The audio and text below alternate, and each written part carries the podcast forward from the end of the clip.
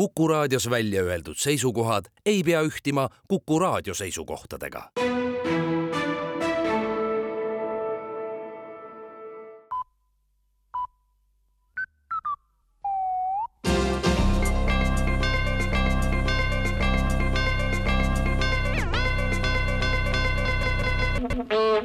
uudised on eetris ja stuudios Rohke Debelak riigikogus on peatselt arutamisel kaugkütteseaduse parandused, mis tooksid kaasa toasooja püsitasu kehtestamise. praegu on soojatootjatel korralik sissetulek ainult kütteperioodil, suvel aga mitte ning seaduse parandusega maksustatakse ka palavate suveilmade toatemperatuur, mis on siiani olnud inimestele täiesti tasuta hüve mõnikord on juulikuus paneelmaja viimasel korrusel toatemperatuur pluss nelikümmend kraadi ja inimesed siiani midagi maksma ei pidanudki. kui panna korteriomanikud toasooja eest ka suvel maksma, siis aitab see vähendada talviseid arveid, võib-olla, on Konkurentsiameti seisukoht.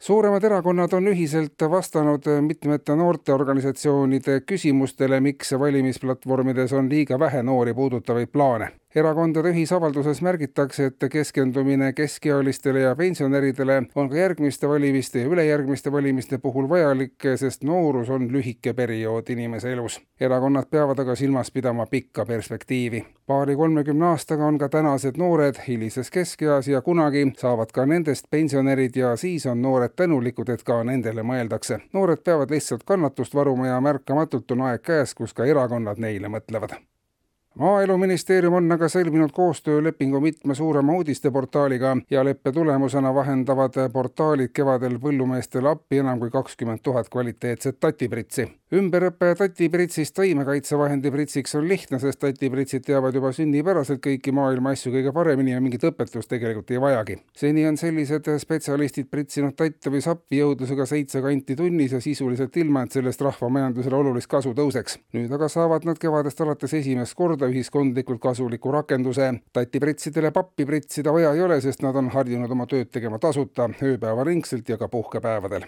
valitsus aga annab veel teada, et homme hakatakse kõikidele paljulapselistele peredele jagama kasulikke näpunäiteid.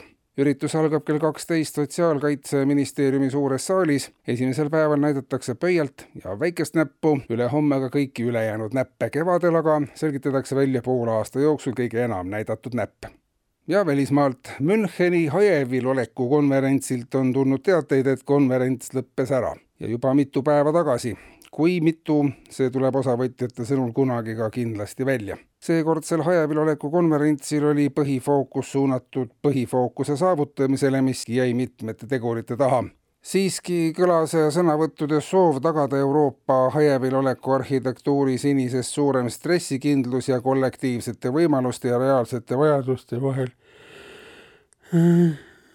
Haigutav tühimik. Eetris olid uudised